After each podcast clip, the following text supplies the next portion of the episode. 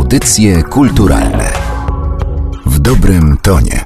W pierwszy wrześniowy weekend pożegnaliśmy wakacje na ostatniej tegorocznej odsłonie Festiwalu Wschód Kultury. Białystok ze swoją wielokulturową historią idealnie sprawdza się jako punkt obserwacyjny przenikania się różnych tradycji. Stolica Podlasia przez cztery dni prezentowała inne wymiary kultury. Jednym z nich był inny wymiar sztuki.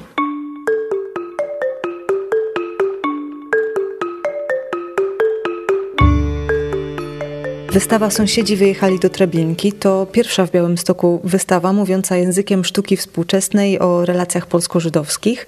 Czy musiała minąć odpowiednia ilość czasu, czy musiał się pojawić impuls, żeby właśnie taka wystawa mogła zaistnieć? Po prostu pojawił się człowiek, który nie jest związany ze sztuką, nie jest związany z kulturą. Jest po prostu mieszkańcem naszego miasta, który od kilku lat, tak jak wielu innych, drąży temat naszej pamięci o Holokauście Magdalena Godlewska-Siwerska. Poczułam, że tak, że to już jest ten moment, kiedy warto porozmawiać o tym, w jaki sposób pamiętamy o naszych sąsiadach. Białystok jest specyficznym miejscem, jeżeli chodzi o te relacje polsko-żydowskie. Tutaj pojawia się w jednym z filmów takie zdanie, że nikt normalny w tym mieście nie mieszka, bo nienormalni są ci, którzy nie myślą o Holokauście mieszkając tutaj i nienormalni są zarazem ci, którzy o tym myślą, bo nie da się o tym myśleć właśnie w sposób taki zupełnie zwyczajny. Tak naprawdę to można to rozszerzyć o Polskę, o Europę, bo nie tylko Białystok ma za sobą doświadczenie zagłady, cała Europa tego doświadczyła. Także myślę, że mówiąc o naszym mieście, tak naprawdę mówimy o tym, co się w Europie wydarzyło. Ta wystawa mówi o ludziach, którzy tu kiedyś mieszkali. Też jest o tym, co mogłoby być, gdyby oni nadal tu byli. Jest o takim utraconym potencjale, o utraconej możliwości. Mielibyśmy więcej twórców, więcej naukowców, więcej przedsiębiorców, na ludzi, którzy by po prostu budowali i nasze miasto, i Polskę, i Europę. Wszystkie prace są o tym samym, ale każda inaczej o tym mówi. Praca Aleksandry Czerniawskiej, bilety do Treblinki. To jest coś, co niezwykle porusza naszą wyobraźnię. Zwłaszcza, że to nie jest powszechnie znany fakt, że wielu Żydów, jadąc do Treblinki, musiało kupić bilet na tę ostatnią podróż praca Małgorzaty Dmitru, która się wydaje taką estetyczną opowieścią kobiecą o takich codziennych rzeczach. Tutaj też pojawiły się wątki, które akurat zostały odkryte przez Katarzynę Winiarską z Wirtualnego Muzeum z Białowieży. Losy rodziny, która na szczęście wyemigrowała przed wojną. Praca Krystyny Piotrowskiej, przy której stoimy. Te włosy oczywiście to nie są włosy naszych sąsiadów, ale to jest praca o tym, jak ta machina Holokaustu przetwarzała wszystko.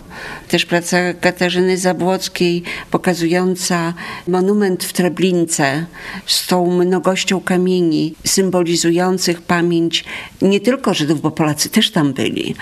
Miejscowości, z których ludzie byli wywozieni, to też robi ogromne wrażenie. Także właściwie no, mogę o każdej pracy tak powiedzieć. Jeszcze ja chciałabym zwrócić uwagę na tę pracę, która w dosłowny sposób pokazuje znikających sąsiadów. Mhm. Praca Ewy Hacianowskiej, ona jest niewątpliwie bardzo spektakularna też, ponieważ ona znalazła taką formę wypowiedzi, która też jest niezwykle estetyczna.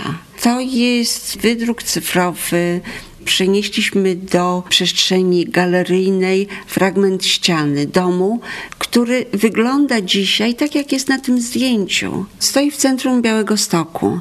To jest absolutnie niezwykłe, że minęło kilkadziesiąt lat i ten dom jest w całkiem niezłym stanie nikt tam nie mieszka, ale tak naprawdę jest opuszczoną ruderą i każdego dnia nam przypomina o ludziach, którzy tam kiedyś mieszkali. I nie jest to tylko specyfika Białego Stoku, bo takie domy są w Tarnowie, Nowym Sączu, Warszawie, Łodzi, Salonikach, po prostu w Europie. Dlatego też y, domy są jakimś takim motywem przewodnim tej wystawy, bo to są takie ślady, które są tak widoczne, że aż dla wielu z nas są przezroczyste, bo żeśmy się do nich przyzwyczaili. Wystawa Uwaga Granica to wspólne przedsięwzięcie Białostockiej Galerii Arsenał i Lubelskiej Galerii Labirynt. Obie galerie mają zbliżone programy i obie galerie są wyraźnie orientowane na wschód. Monika Szewczyk. Naturalnym trybem pracy dla nas obojga jest to, że wykorzystujemy te atuty, które mamy i wszystko, co się wydarza w tych galeriach, wydarza się jednak w jakiś taki naturalny sposób. Nie jest jakimś wynikiem szczególnych strategii, tylko po prostu naturalnego biegu wypadków. A że obie galerie leżą tak blisko wschodniej granicy, więc ta granica też była takim naturalnym y, tematem, z którym y, my się właściwie w ciągu całej naszej y, działalności zmierzamy. Waldemar Tatarczuk. Zarówno Labirynt, jak i Arsenał współpracują z artystami ze wschodniej Europy, przywożąc stamtąd wystawy i wożąc wystawy tam, spotykamy się z problemami, które łączą się z przekraczaniem granicy Schengen, która stała się właściwie taką e, nową żelazną kurtyną od nowa, dzielącą Europę na dwie części. Ja się doczytałam w tekście do wystawy, że jednym z przyczynków, dla których ona powstała, jest między innymi taki prozaiczny problem, jak przewożenie prac przez y, granicę. Przyglądając się szczególnie pracom wideo na tej wystawie i artyści, którzy przyjechali do ze wschodu, rozpoznają sytuacje, których doświadczają i my też wioząc pracę na tą wystawę, mieliśmy szereg problemów, właściwie dwukrotnie, żeśmy organizowali transport, żeby przywieźć pracę. Kiedy był to transport ze strony polskiej, to oczywiście był on zatrzymany przez służby celne polskie, a kiedy to był transport ze strony ukraińskiej, to został on wstrzymany przez celne służby strony ukraińskiej. To przekroczenie granicy było skomplikowane. Potem też takie sceny, które na przykład na filmie Piotra Wysockiego są bardzo prosta dokumentacja zapisu tego, co się dzieje na wschodniej granicy, czyli wybebyszanie samochodów, szukanie jakiejś kontrabandy, szukanie alkoholu czy papierosów i wyrywanie całej tapicerki, rozmontowywanie wręcz silników samochodów, to to jest y, sytuacja, z którą ciągle się spotykamy na granicy i ci nasi artyści jadący tutaj też stali przez 4 godziny z powodu takiej ostrej rewizji. Ja też często tą granicę przekraczam i zawsze mam wrażenie, że obywatele ze wschodu są traktowani na przejściach granicznych gorzej niż obywatele z Polski. Myśląc o tej wystawie, skoncentrowaliśmy się na granicach politycznych. Początkowo myśleliśmy o rozszerzaniu jakby tego spektrum, ale w końcu stwierdziliśmy, że nie, że żeby ten przekaz wystawy był czysty, pozostaliśmy przy tym temacie stricte politycznym, który jest w tej chwili jakby coraz bardziej e, mocno zauważalny. A też znowu z drugiej strony warto przypominać, że te granice istnieją, bo Polacy po wstąpieniu kraju do strefy Schengen troszeczkę zapomnieli o istnieniu granic, że możemy sobie podróżować z dowodem osobistym po Europie, ale tylko po części tej Europy, bo już na wschód jest zupełnie inaczej i tak samo obywatele krajów z, poza Unii Europejskiej no nie mają łatwo. Ten element symbolicznego znaczenia słowa granica, czy też przekraczania granic, on się tutaj też pojawia w tych pracach i no, jak chociażby w pracy Jadwigi Sawickiej, która tą granicę traktuje bardzo umownie, czyli jej praca, y, to jest flaga, serce y, kraju, umieszczona w przeróżnych miejscach, podkreśla to, że granica jest czymś y, umownym, jest wynikiem umowy społecznej. To są rzeczywiście prace bądź robione bezpośrednio na tą wystawę, bądź takie, które żeśmy wybrali, które no, liczą sobie powiedzmy 10 lat najdalej, ale które jednak znakomicie ilustrują ten problem. Prawie wszystkie nazwiska pojawiają się i w Lublinie, i w Białymstoku. Część artystów przygotowało dwie różne prace, a część prace, które składają się z dwóch części eksponowanych w jednej i w drugiej galerii, także niektóre prace, aby je zobaczyć w pełni, no to trzeba przyjechać do Białegostoku i do Lublina. 34 nazwiska, no, nawet więcej, bo 40, bo w tym są trzy grupy, także bardzo wielu artystów, głównie Europa Wschodnia, Polska i no troszkę dalej Azerbejdżan. A jaki obraz granicy wyłania się z tej wystawy? Żeby ten obraz y, poznać, trzeba przyjść na wystawę, do czego zapraszamy. Bardzo cwanie.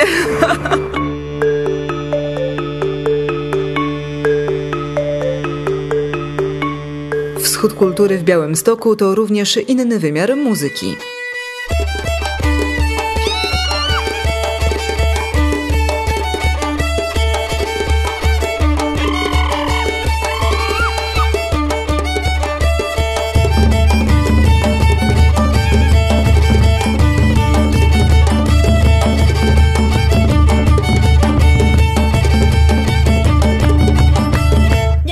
Jabłka to zespół, który łączy muzykę słowiańską i afrykańską i chociaż na pierwszy rzut oka może się wydawać, że to jest dosyć egzotyczne połączenie, to pierwszy rzut ucha na wasze utwory powoduje, że rozumiemy, że faktycznie tutaj te dwie tradycje można bardzo łatwo ze sobą połączyć i wszystko ze sobą się składa. Sami byliśmy trochę zaskoczeni tym, że okazało się, że tak pasuje, bo wyszło spontanicznie. Małgorzata Ciesielska-Gułaj.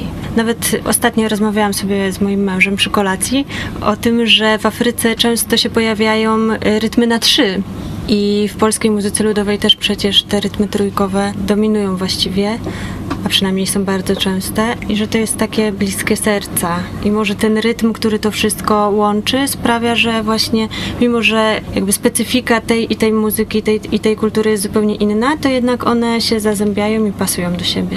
Całkiem możliwe, że każdą kulturę każdego kraju można pojednać jak kulturę innego kraju, ale też to jakby kwestia talentu. Elena Jeremenko.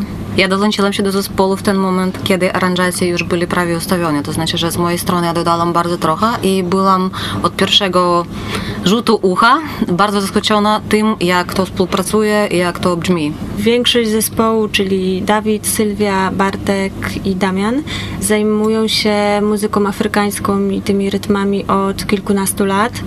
Ja się zainteresowałam tą polską muzyką ludową. Na początku była z nami Marysia, która grała na skrzypcach, teraz Olena.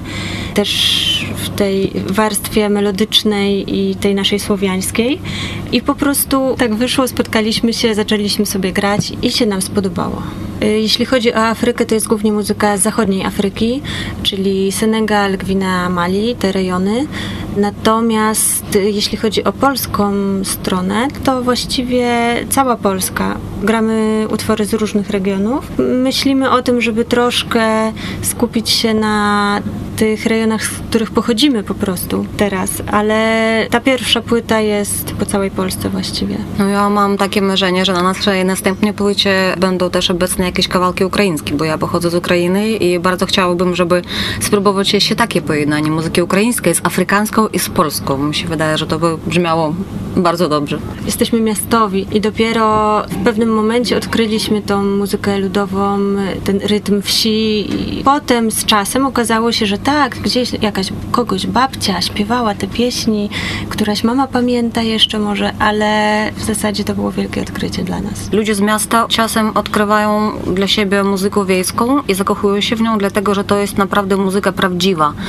To znaczy, te ludzie, którzy mieszkają na wsi, to, to co oni robią, to co oni grają, śpiewają, to idzie naprawdę od serca, a nie na sprzedaż. Może tęsknimy w głębi duszy za naszymi korzeniami i za takimi wartościami, które w mieście się trochę zatraciły, bo żyjemy w miastach w pośpiechu, w napięciu, a tutaj takie po prostu wspólne granie daje ogromną radość i tak jak Olena mówiła, to nie jest y, za pieniądze. To samo jest w Afryce. Osoby, które jeżdżą do Afryki są zaskoczone tym, że tam ludzie, chociaż są biedni, to ta radość jest z nimi, oni to przeżywają.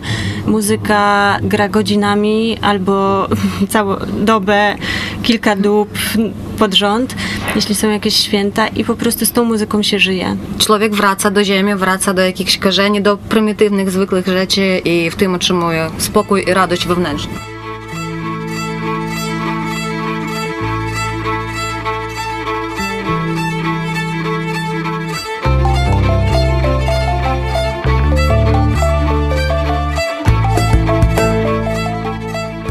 Na festiwalu Wschód Kultury swoją premierę koncertową miał polsko-litewsko-angielski projekt Oli Bilińskiej Studnia. Co znajdziemy zaglądając do studni, od której nazwę wziął twój najnowszy projekt muzyczny? To zależy kto zagląda.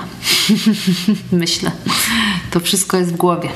Ola Bilińska. Zawsze dobrze się czułam na wschodzie i szczególnie na północnym wschodzie. Zakochałam się od pierwszego wejrzenia w Suwalszczyźnie i właśnie ten pograniczny charakter tego regionu i te wpływy niewątpliwe jednak litewskiej, tej historii wspólnej polsko-litewskiej tutaj są jeszcze widoczne. No nie tylko w tym, że dużo ludności jest pochodzenia litewskiego i mówi po litewsku i zresztą po drugiej stronie tak samo, tylko odwrotnie, że jest dużo Litwinów, Polaków. I to jest takie właśnie zawsze fascynujące, kiedy te dwie jakieś kultury się przenikają, szczególnie językowo tak różne od siebie. Po litewski jest zupełnie kosmiczny etnicznym językiem. Zresztą to mnie też właśnie bardzo zaciekawiło, zafascynowało, bo jestem gdzieś tam lingwistką z wykształcenia i wrażliwa jestem na piękno różnych języków i litewski jest dla mnie szczególnie ciekawy. Jeden z najstarszych języków europejskich, o brzmieniu bardzo takim nietypowym i to też właśnie gdzieś tam pobudziło bardzo moją wyobraźnię, że sięga e, bardzo głęboko do sanskrytu, a że piosenki miały traktować o baśniach, mitach, legendach, to niewątpliwie sprzyjało też. Wszystkie utwory gdzieś tam, prawie wszystkie, krążą wokół formy kanonu. Głównie właśnie litewskich sutartine, czyli kanonów właśnie tradycyjnych, wokalnych głównie, aczkolwiek zdarzają się też instrumentalne. Generalnie punktem wyjścia była tradycyjna muzyka litewska. Natomiast jeśli chodzi o teksty, też w wielu przypadkach tak samo, że korzystałam na przykład y, z litewskiego tekstu, który tłumaczyłam częściowo na angielski, takim wolnym tłumaczeniem, żeby wpisała się w ogóle w formie piosenki, albo brałam jakiś element z utworu, tak jak utworze Śniący. Snaudala jest tradycyjnym y, utworem litewskim, który opowiada o człowieku, który zasnął przy przędzeniu. Jest nazwany właśnie Śniącym i to słowo pobudziło bardzo moją wyobraźnię i też spodobał mi się ten motyw właśnie tej przerwanej pracy tkackiej. Tekst litewski nie jest przetłumaczony, jest odśpiewany przez dziewczyny w oryginale, więc tak naprawdę ktoś, kto nie jest Litwinem, nie zrozumie go, natomiast został rozbudowany przeze mnie w inną stronę wokół tej postaci śniącego, który jest tutaj, staje się taką mityczną postacią, której sny mają wpływ na rzeczywistość, jeśli zostanie obudzony w złym momencie, kiedy jeszcze snuje wszędzie te swoje sny, wtedy dnia nie będzie, tak? Może nastąpić jakaś apokalipsa. Tak bardzo mi się się ten motyw y, spodobał i gdzieś tam wydaje mi się, że jest tym ziarnko prawdy. Chodziło troszeczkę o to, żeby w tych utworach czaił się taki niepokój, mniej lub bardziej podskórny. Po pierwsze, wydaje mi się, że wynika to z, z samej muzyki. W wielu tych tradycyjnych utworach tak się układają na przykład głosy w sutartinę, że tworzą się bardzo dziwne interwały. Często jakieś tam sekundy małe, czy tercje małe, które po prostu dla ucha przyzwyczajonego do muzyki poważnej, na przykład zachodnioeuropejskiej, są dziwne i właśnie niepokojące. Moją wyobraźnię muzyczną to bardzo pobudza. I właśnie szukam troszeczkę takich rzeczy, które odbiegałyby od tej tradycji troszeczkę zachodnioeuropejskiej, by nieco ciekawsze dla naszego ucha.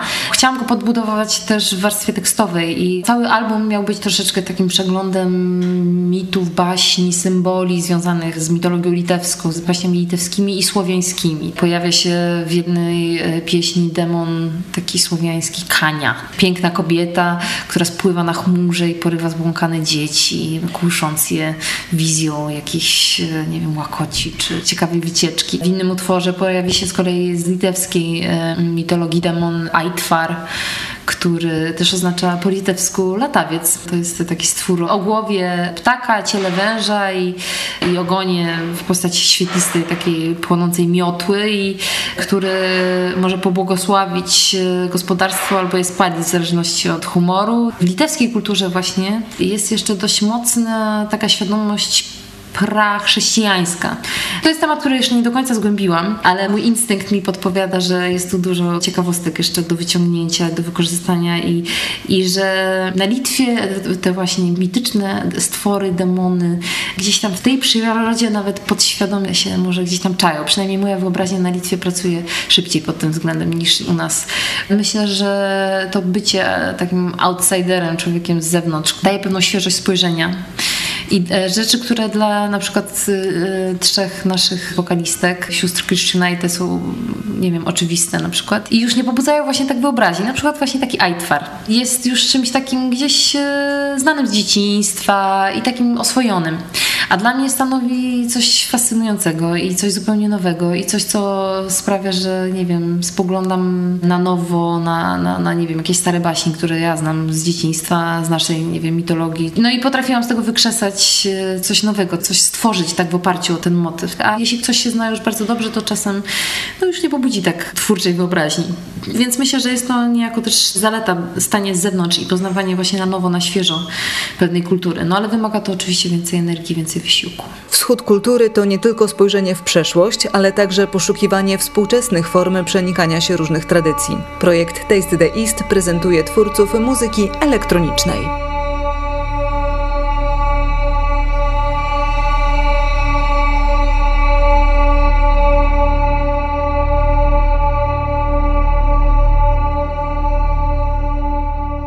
Taste East to jest takie forum troszkę współpracy Jędrzej Dądziło, które się objawia zawsze w koncertach i występach artystów, także takich twórczych spotkaniach, gdzie zapraszamy twórców z krajów Partnerstwa Wschodniego, a także naszych najbliższych sąsiadów. Zazwyczaj są to Ukraińcy, Białorusini, Czesi, Litwini i staramy się w ten sposób promować elektroniczną scenę wschodnią, która na zachodzie jest niezauważalna, a przez to, że pojawia się w Białymstoku raz do roku, to staramy się też budować taki pomost pomiędzy wschodem a zachodem. To, co ja zauważam we współpracy ze wschodnimi artystami, to to, że oni często łamią reguły, które gdzieś na zachodzie obowiązują. Takie reguły, które stały się pewnego rodzaju rutyną i nudą w muzyce, a oni podchodzą do tego z taką werwą i energią i trochę nie oglądają się na to, co inni powiedzą i dlatego powstają rzeczy bardzo, bardzo odkrywcze. No w tym roku mamy bardzo fajną mieszankę właśnie artystów. E, będzie Gruzin e, Zito z, e, z Tbilisi, który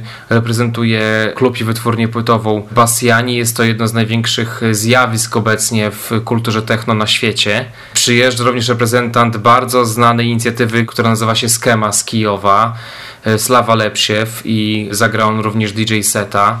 Z niedaleko Grodna przyjeżdża DJ Creep, który prowadzi serię imprez Abiekt, które są taką nową nadzieją na e, białoruskiej scenie. Z Litwy cała silna ekipa artystów, z którymi na bieżąco współpracujemy. Jest to Rokas z Wilna, ekipa Secret 13, to jest taki portal, który jest w zasadzie znany e, w muzyce elektronicznej na całym świecie. Z debiutanckim live-actem Patrycja Koket, no i do tego również lokalni twórcy Adam Frankiewicz z eksperymentalnym występem z kaset magnetofonowych oraz Ditek. Postanowiliśmy mocno zarysować takie eksperymentalne nasze podejście. Będzie sporo ambientu, IDM-u, rzeczy, które ciężko w zasadzie sklasyfikować i pierwsza połowa imprezy jest przeznaczona na występy właśnie bardziej takie do kontemplacji, bardziej do posłuchania, a w dalszej części nocy będzie można potańczyć. Ci artyści, którzy brali udział w kolejnych edycjach Taste the East non-stop migrują pomiędzy tymi miastami. Naprawdę powstała pewnego rodzaju siatka współpracy, wymiany artystycznej i grupa przyjaciół, która co roku gdzieś tam się spotyka kilka razy, a tym głównym miejscem spotkań właśnie jest Białystok. Jak na miasto na wschodzie, jak na miasto takiej wielkości, to scena białostocka trzyma się całkiem nieźle. Mamy klub, który gra muzykę elektroniczną regularnie. Mamy festiwal muzyki elektronicznej Up to Date, który też jest dosyć takim mocno zarysowanym wydarzeniem na mapie polskich festiwali. I można powiedzieć, że właśnie na miasto tej wielkości Białystok zbudował sobie taki potencjał tego, żeby ta scena się gdzieś tam podtrzymywała sama. Myślę, że nie mamy na co narzekać i że tak jakby świeżej krwi też nie zabraknie w czasach lat 90. i wczesnych lat 2000 Białystok bardzo dużo znaczył dzięki takim mniejszym inicjatywom, mniejszym imprezom. Teraz głównie jesteśmy znani właśnie z Up to Date'a, ale wtedy Białystok produkował wręcz masowo kolejnych reprezentantów sceny, którzy wyruszali na podwój Warszawy czy innych miast większych w Polsce. I dzisiaj wiele osób, które na stałe pracują na scenie, czy prowadzą sklepy płytowe, czy są DJ-ami, czy muzykami, czy prowadzą wytwórnie, to są ludzie pochodzący z Podlasia, z Białegostoku, którzy gdzieś tam w tamtych latach ciężko pracowali właśnie w naszym mieście. A w jaki sposób e, ta enklawa elektroniczna w postaci projektu Taste the East odnajduje się we wschodzie kultury jako całości, który jednak jest e, nastawiony raczej na takie związki z e, tradycyjnym graniem? Ja się bardzo cieszę, że od samego początku znalazła się właśnie ta przeciwwaga dla tej tradycyjnej odsłony, odsłony wschodu kultury i nie tylko odwoływania się do folku, do historii, do dziedzictwa, ale też do tych rzeczy, które są zupełnie na drugim końcu spektrum, czyli muzyki elektronicznej, świeżej, nowej, muzyki przyszłości. I też fajne jest to, że my jesteśmy jedną z niewielu imprez, które tak późno grają w nocy, więc ten program przynosi się z dnia na całą noc i my możemy powiedzieć, że jesteśmy pewnego rodzaju afterem i zwieńczeniem tych dni, które można spędzić w Białymstoku podczas Schodu Kultury. No i w zasadzie jesteśmy też jedną z ostatnich imprez w całym cyklu festiwalu w trzech miastach, więc my się czujemy tak, jakbyśmy naprawdę byli uprzywilejowani, bo możemy wziąć udział w czymś większym, co też przyciąga nową publiczność i pomaga nam popularyzować naszą kulturę.